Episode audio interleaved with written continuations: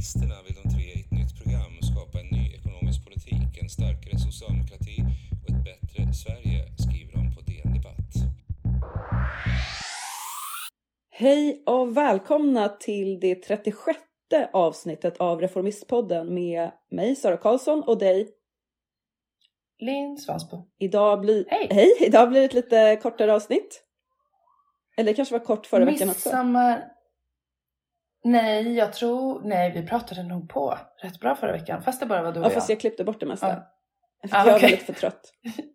Jag var Ja, sämst. då, kanske, ja, då kanske ni fick ett lika kort Ja. förra veckan ungefär. Så var det nog. Det är midsommar, det är midsommarhelg. Precis, nu är det så dagen innan midsommarinspelning. Mm. Mm. Och det är dagen efter ny budget. Eller ny budget, men vårändringsbudget. Ändringsbudget, precis. För det pra- Vad gött att det, att det gick igenom Precis, vi pratade ju lite om det i förra avsnittet om eh, de olika pensionsförslagen och vad som stod på spel. Exakt. Och nu vet vi att det gick vägen. Nu vet vi att det gick vägen. Tusen spänn mer Ja, eller 900 till...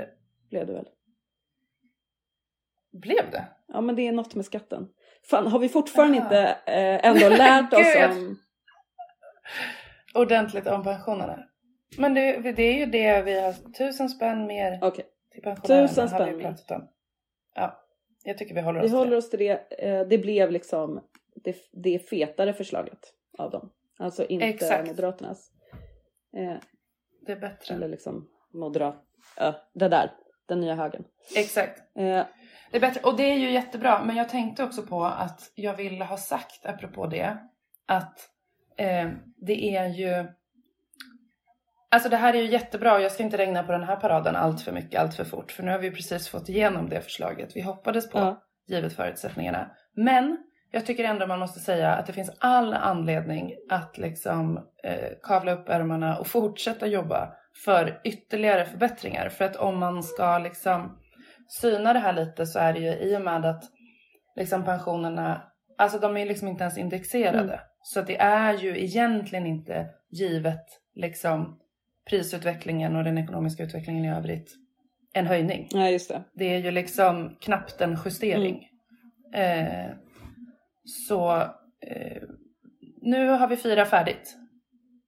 Tänker jag. Nu är det bara så. Just Det. här var Så gött. kavla det upp blev inte... inför nästa. Exakt. Det här var gött. Det blev inte så dåligt som borgarna hade tänkt att det skulle bli. Men det här är inte tillräckligt bra. Liksom. Mm. Eh, så vi får fortsätta jobba för att reformisternas eh, pensionspolitik ska gå igenom. Ja, och det får man väl... Eh, såklart ska vi fortsätta jobba för reformisternas förslag på pensionsområdet. Men det får man väl säga också att även, även andra utanför den här föreningen inser ju att man kommer fortsätta behöva reformera pensionssystemet och höja pensionerna. Sen har man ju lite olika förslag. Ja. Men där eh, går vi ändå hyfsat i takt. Ja, Ja. gud ja. Ja, nej men så glada nyheter med ändringsbudgeten. Men nu är det färdigfirat. Nu får vi fortsätta Ja. arbetet helt enkelt. Det gör vi. Du, en annan grej som hände igår också, den 22 juni Mm. 2022. Eh, det var ju att det här Saltsjöbadsavtalet 2.0 Just undertecknades Det. Ja. Av eh, PTK, LO och Svenskt Näringsliv. Eh, alltså huvudavtalet som har diskuterats och debatterats. Eh, Precis, det förra var hyllats. skrivet 1938 va? 34 Är det tror jag. 34? Ja, det är i alla fall många år sedan. Det är skitmånga år sedan och det undertecknades ju på Grand Hotel i Saltsjöbaden. Så de gjorde liksom ett litet pressjippo tänker jag Mm. av att åka till Grand Hotel i Saltsjöbaden igen nu Mm. och underteckna det nya huvudavtalet. Och jag har redan tjatat om det här i Reformistpodden tidigare så att jag tänker inte bli långrandig. Men jag kan liksom inte låta bli att kommentera det. Eller liksom Nej, säga värt att någonting. uppmärksamma, eh, såklart. efter. Värt att uppmärksamma så det har hänt. Ehm, men det som jag tänker på och också skrev några tweets om igår kväll är ju ja, men så här, åter, det är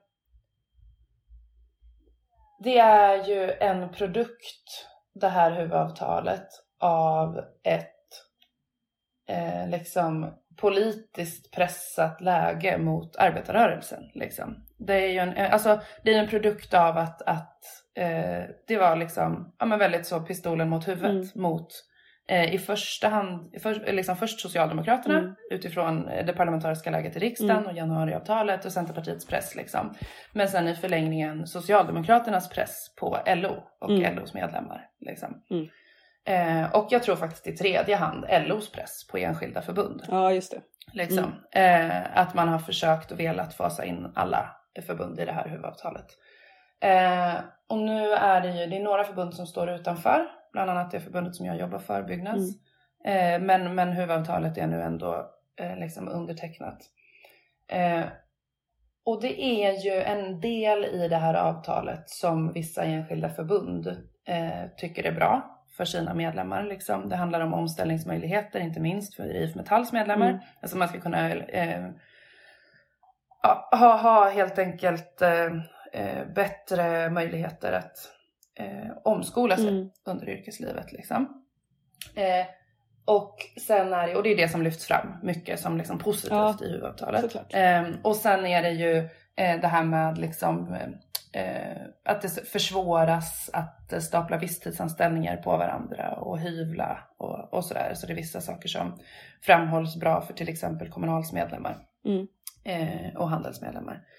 Eh, men det betalas med ett dyrt jävla pris, får man väl lov att säga. Mm. Eh, och jag, eh, ja men som sagt, ska liksom inte bli alltför långrandig om detta, men det är eh, det skaver så in i helvete i mig att se eh, allt detta firande ja, över detta huvudavtal från eh, liksom arbetarrörelsens, för, arbetarrörelsens företrädare. För att de, de sakerna som vi har fått då, eller som man framhåller som liksom presenter till Sveriges arbetarklass, eller liksom de, de glada nyheterna, är ju saker som är väldigt viktiga för arbetsgivarna. Eh, och som inte alls är så otroliga som, som det låter som liksom, från, från eh, Socialdemokraternas och LOs företrädare. Eh, alltså, dels handlar ju omställningen om att det, det, det mesta av omställningsmöjligheterna finns ju i den nya lagstiftningen. Mm. Som redan har gått igenom. Det är ganska lite i huvudavtalet. Liksom. Eh, för, för omställnings... Det är ju en ny studieledighetslag, Mm. liksom, eller en uppdaterad studieledighetslag. Och den är ju redan igenom i riksdagens bord. Eh, Och det kanske inte heller är och- så en jättestor eftergift. Eftersom att det kommer gynna arbetsgivarna.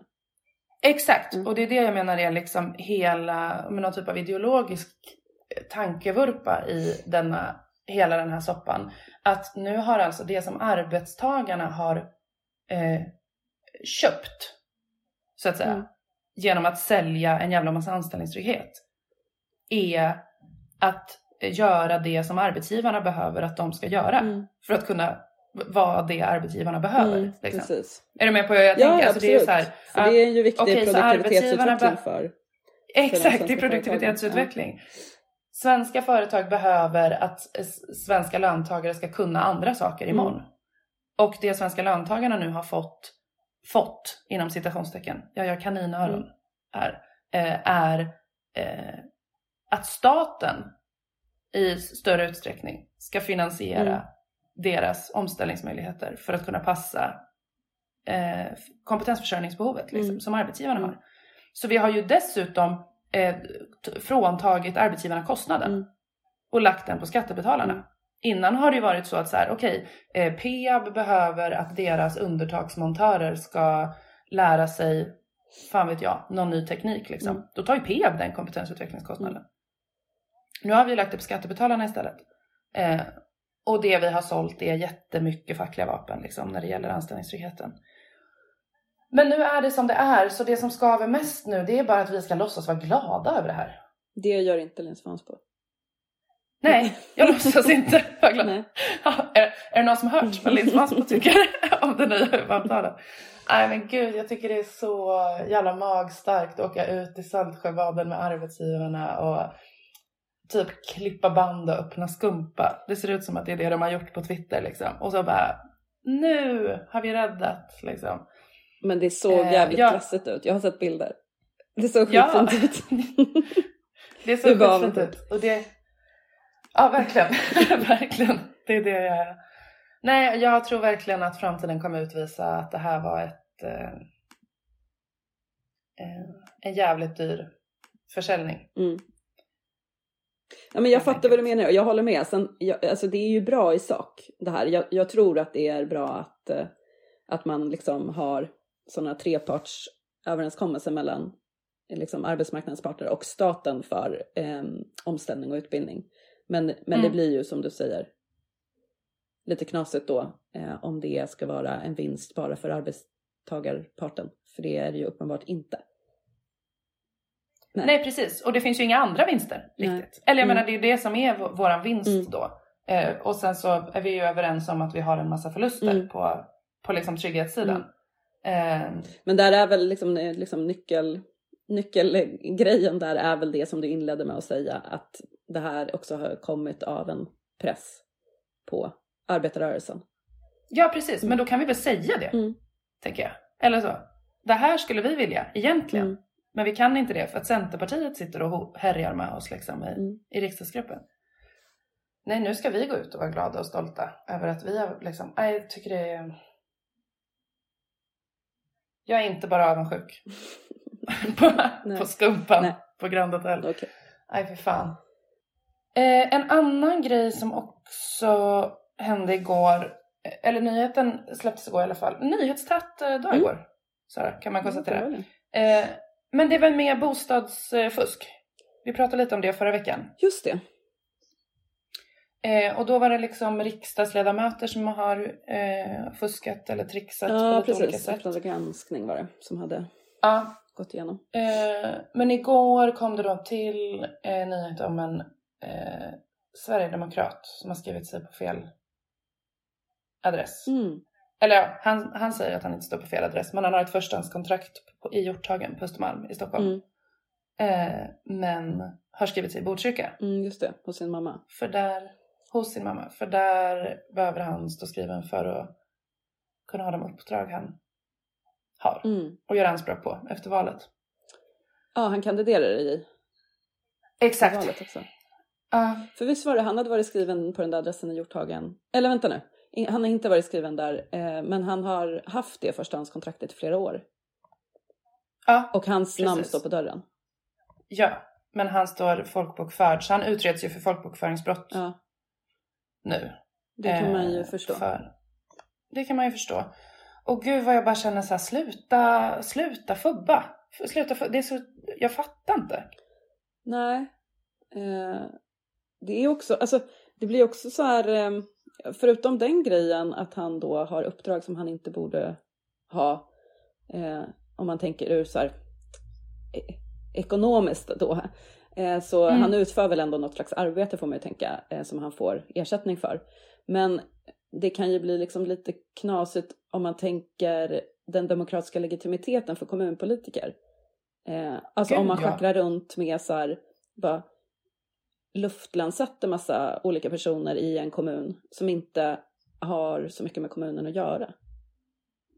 Nej, idén med att välja sina kommunpolitiker är ju att ha lokala företrädare, ja. tänker jag. Sen kanske han, han kanske i och för sig är uppvuxen, om hans mamma bor där så kanske han är uppvuxen där och har så god förankring på något annat sätt. Det vet inte jag.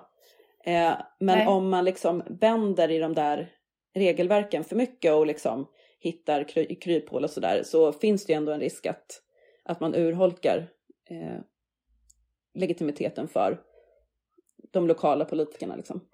Ja, och också bara, ja, och bara genom de här avslöjandena gång efter annan. Oavsett vilken politiker det är eller vilket parti de kommer ifrån så är det ju en underminering av tilltron till eh, ja. politiska företrädare. ja, det blir svårt att känna förtroende. Men du, på det temat så, eh, en av de som vi pratade om i förra veckan, Jörgen Hellman, eh, han avgick ju. Mm, Socialdemokraten. Liksom, han avgick ju innan programmet ens hade sänts tror jag, eller samma dag liksom. Eh, där hade jag förstått i efterhand att eh, ja, men han verkar ha lite så här stökig boendesituation. Han bor på olika ställen och sådär. Eh, och jag vet inte allt och jag tänker att det är ju säkert också, eh, han har olika privata skäl eh, till att hans boendesituation ser ut som den gör. Men jag har förstått att ingen av hans boenden egentligen är i Stockholm. Mm. För det är ju det som blir liksom den här att man då lurar till sig. Att man har rätt till eh, Mm. ersättningar. Och det är ju det som har varit den gemensamma grejen med typ alla andra de här avslöjandena. Eh, alltså både nu men också tidigare. Eh, det som rör riksdagsledamöter. Alltså att man eh, i praktiken bor i Stockholm men man är skriven någon annanstans för att få ersättning för dubbelt boende. Eh, Mm. så. Eh, men eh, och Jörgen Hellman har ju såklart haft en övernattningslägenhet i Stockholm. Men han har inte bott där. Mm. Utan i praktiken Nej. så har han sitt boende eh, långt mer än fem mil utanför Stockholm. Mhm. Eh, sen, ja, vi vet väl inte allt, eller jag vet inte allt. Eh, det kanske vi inte kommer få veta heller, han har ju slutat nu. Men eh, Mm. i det här sammanhanget kan han i alla fall få lite upprättelse. Han har liksom inte lurat till sig en massa pengar han inte ska ha. Det är Nej, ändå viktigt att säga. Men, eh, Verkligen. men Helena Bouveng sitter kvar. Hon sitter kvar. Jag skulle säga det för då är det verkligen inte bara, vi pratade om att det finns olika måttstockar Ja, precis. för olika, förra veckan. Eh, alltså uppenbart olika måttstockar. Men då är det också eh, potentiellt sett helt olika situationer Ja, dem emellan. precis. Och hon är ändå kvar. Ja. Hon bor ju på Värmdö. Trots att Mm. det är Trots att det är eh, det är fusket som Alltså i, i dess rätta bemärkelse eller Ja, som Uppdrag granskning avslöjade. Nej, men de, De har typ inte sagt något va? nej. Om henne. Alltså det känns som att de bara eh, helt duckar Ja, det verkar så. Hon verkar också hålla media. låg profil liksom Ja. just nu. Mm. Ja, Wow. wow. En annan grej Linn som man inte blir så himla imponerad av. Mm. Det är eh, regeringens förslag om språkkrav för och eh, sam, samhällskunskap för att få permanent uppehållstillstånd. Mm. Det, de har ju gått vidare med det nu och eh, tillsätter en utredning. Just det. Jag Mm. eh, känner mig inte heller så imponerad. Måste jag säga. Nej. Men berätta Eh. varför du inte är det. Ja, nej, de... Men nu ska det ju utredas exakt hur det ska utformas vet man ju liksom inte. Eh, tanken är ju att det i förlängningen också ska, ska gälla eh, liknande krav för att få medborgarskap i Sverige. Just det. Så. Och eh, anledningen till att man tar det i, i den ordningen eller liksom inte gör allt på en gång är väl att man, att man vill liksom hitta en praxis för eh, kravställandet kring uppehållstillstånd innan man går vidare med medborgarskap för att det inte ska utvecklas olika rättspraxis. Just det. Eh, och det är väl det enda kanske med det här som imponerar. Ja, jag skulle säga Alltså det. att man Just, ändå tänker så långt. just den grejen är... Någon har tänkt i det avseendet. Ja. Mm. Så här, det är dåligt i sak. Mm. Eh, för att det är ju liksom inte bristen på krav som är problemet. Utan... Till exempel en massa problem med SFI. Mm. Det har ju folk pratat om i många, många år. Eh, bristen, alltså kvalitetsbristerna i Mm. SFI. Mm. Det finns ju också andra saker som är så här. Man inte kan gå på SFI samtidigt som man är föräldraledig till exempel. Alltså det finns ju massa Ja, sådana saker som man kan ja. göra för att förbättra. Eh, men så här, kravställandet i sig löser ju liksom inte de problemen som finns med, med svenskundervisning eller så här, eh, de brister som finns i att så här, kunna på ett vettigt sätt kombinera SFI med jobb eller praktik eller sådär. Mm. Alltså en del sådana förbättringar har ju skett eh, på senare år. Det rapporterades om häromdagen ett så här framgångsrikt eh, eh, exempel på ett så integrationsprojekt som var finansierat av eh, Europeiska socialfonden. Men som nu inte Just längre det, kunde som de fortsätta fick på grund av upphandlingsreglerna. Ja, som de inte fick. Ja, nej men alltså, så det görs ju en del eh, sådana grejer som Ja. är eh, framgångsrika.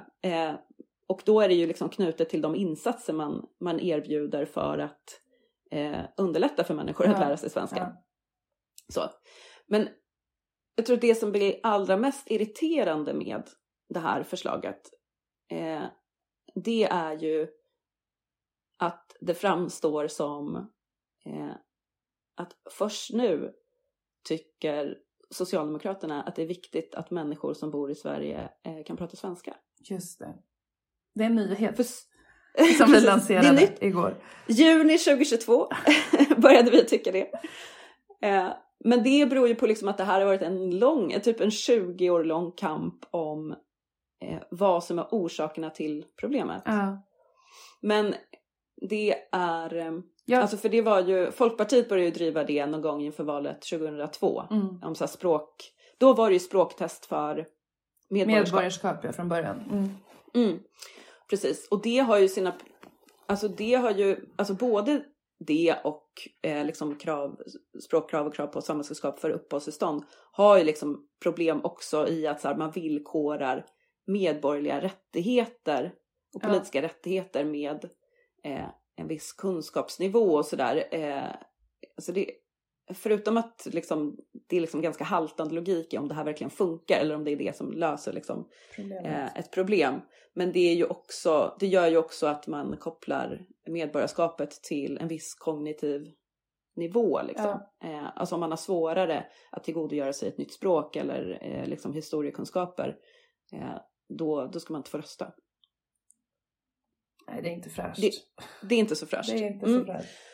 Men, men jag tänker så här, det som faktiskt just nu irriterar mig mest, det är just det här att så här, i 20 år då har vi hållit på och fightats om eh, vad som är orsaken till eh, det här då samhällsproblemet. För det tror jag att vi, vi, kan, vi kan vara liksom oense om hur stort problemet är och sådär. Men eh, alltså att, att man kan ringa in ett problem att det finns eh, liksom individer men också så grupper av människor för de är ju koncentrerade kanske då till vissa områden och Mm. sådär. Personer som, eh, som har svårt att eh, vara en del av samhället och göra sin röst hörd på olika sätt. Eh, som liksom inte heller då får, de får varken makt över samhällsutvecklingen eller sin egna liv i någon Nej, stor utsträckning nej. för att man inte kan eh, språket. Men vad är då liksom Alltså fighten har ju varit, vad är orsaken till det här? Mm. För det hänger ju ihop med vilka lösningar som man Mm. förespråkar. Eh, och eh, nu, det är precis som att så här, eh, någon slags höger då har så här vunnit i två steg liksom. De har vunnit i att etablera eh, bilden att det är bristen på krav och då individers lättja, Mm. ovilja, Mm. vad det nu är som skulle vara ja. huvudförklaringen. Eh, det är liksom det som är orsaken till att det ser ut så här eh, och därför måste man lösa det med, med krav. Mm. Eh, och när vi du, nu då eh, går på den linjen så är det ju som att så här, i 20 år har vi liksom tyckt att det här, det är ingenting. Men nu, 2022, så har vi insett att oj, eh, Det det, det är visst. nog viktigt, eh, viktigt att, eh, att kunna språket för att vara en aktiv del av samhället. Och det är fan skitirriterande. ja. Eh, Men det är ju liksom inte, det kan man ju, man kan ju ha massa synpunkter på hur, hur olika högerpolitiker genom åren har drivit de här frågorna. Men det är ju också ett jävla underbetyg till, till vänstersidan eller arbetarrörelsen att vi inte har varit bättre på eh, att möta den här debatten. ja precis. Eh, och gå lite hårdare åt att driva våra egna lösningar utifrån den Mm. problemformuleringen som vi då uppenbarligen har sett i 20 års tid fram till nu Mm. när vi hakar på Ja, precis. Och motsvarande den, här, liksom. den här lärdomen kan man väl kanske använda till, till andra områden. Ja. att inte, Ja, för det är som du säger, problem, problemet är vi ju nog eh, hyfsat överens om med eh, nyans och nivåskillnader liksom, mellan Mm. partierna. Men eh, vi, har ju, vi har ju andra lösningar. Ja, och, och liksom bättre Bättre lösningar. lösningar! Men vi har ändå tvingats köpa det här Ja, tydligen. för att det narrativet har satt sig. Liksom. Ja. ja, Är det sjukt irriterande? det är sjukt irriterande. Jag tänkte på det också för att jag såg att eh, Moderaternas, vad heter hon, Maria? Malmö Stenegård. Exakt. Mm. Eh, hade, hennes kommentar var ju, de tycker inte att det här är ett dåligt förslag. Utan deras kommentar var ju bara så, eh, vi behöver inte utreda det. Upp med skiten på riksdagens bord bara. Direkt liksom. Det som krävs är skarpa Ah, okej. förslag. Eh, Ja. Så att de är ju inte emot, alltså det är också det, det ska vi Man ska också. bara helt, helt förändra villkoren för människors eh, rättigheter i Lägga- det här landet ja. utan utredning. Lägga en proposition bara. Det, Perfekt. det var liksom deras, och det är ju liksom, det är ju ett problem i sig. Det du säger, ska vi bara vända upp och ner på massa saker här utan att utreda Ja. det? Men det är ju också apropå skavet i eh, liksom reträtten av problemformulering och lösning hos oss. Mm. Eh, att de är inte ens emot. Alltså förstår Nej. du, de tycker att förslaget är bra. Eh, Ja. Moderaterna. Men Moderaterna man ska inte- 2022 man ska inte utreda. tycker att förslaget är bra. Eh, Mm. Men det ska bara gå lite fortare och vara lite ogenomtänktare om de får bestämma.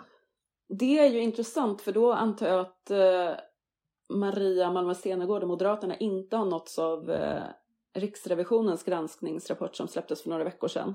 Eh, har, du, har du sett den? Nej. Alltså om så här, eh, dåligt beredd lagstiftning. Ah, ja, ja. Alltså om, om de då det. menar att så här, problemet är, och det här tycker jag skymtar även i så här, när de bara, ah, förbjud eh, att vara typ associerad med kriminella gäng. Ja. Eh, förbjud ditten datten. Eh, och så är det så här, man bara, men det här går ju i strid med grundlagen. Det här, Det här man kan inte. bara göra hur som helst. De bara, äh, Kör. typ så. Eh, så de verkar ju tycka att problemet är att vi utreder för mycket. Men Riksrevisionen håller inte alls med utan de har så granskat reformer som har genomförts eh, mellan år 2000 och år 2017 Mm. och kommit fram till att eh, det är liksom inte ens hälften av reformerna har fått de, eh, har liksom mött de mål som man har satt upp och fått de effekter som man har tänkt att de ska få. Eh, alltså de pekar liksom på att det är de, den lagstiftning som, alltså större lagförändringar som görs eh, bereds inte tillräckligt. Eh, jag är inte alls eh, förvånad måste jag säga över Nej. resultatet. Eller så här över Riksrevisionens. Gud vad det verkligen känns som att det är så. Kanske inte minst kopplat till migrationspolitiken tänker jag mellan. Nu var ju det här ett längre Ja. tidsspann men gud vad det har dunkats igenom lagstiftning. Som Ja. antingen inte har utretts ordentligt eller där det ju faktiskt har varit, eller ja inte utretts då men är, där även typ samtliga remissinstanser har varit så nej Mm. nej stopp och belägg. Eh, och man har kört ändå liksom. Så det känns Ja, inte alls så förvånande att det har gått i den riktningen. Och också den här liksom, eh, allt går så fort nu för tiden. Det känns som att vi lever i Ja. någon typ av så sanning att saker ska gå fort, eller går fort. Eller ja, även politik liksom.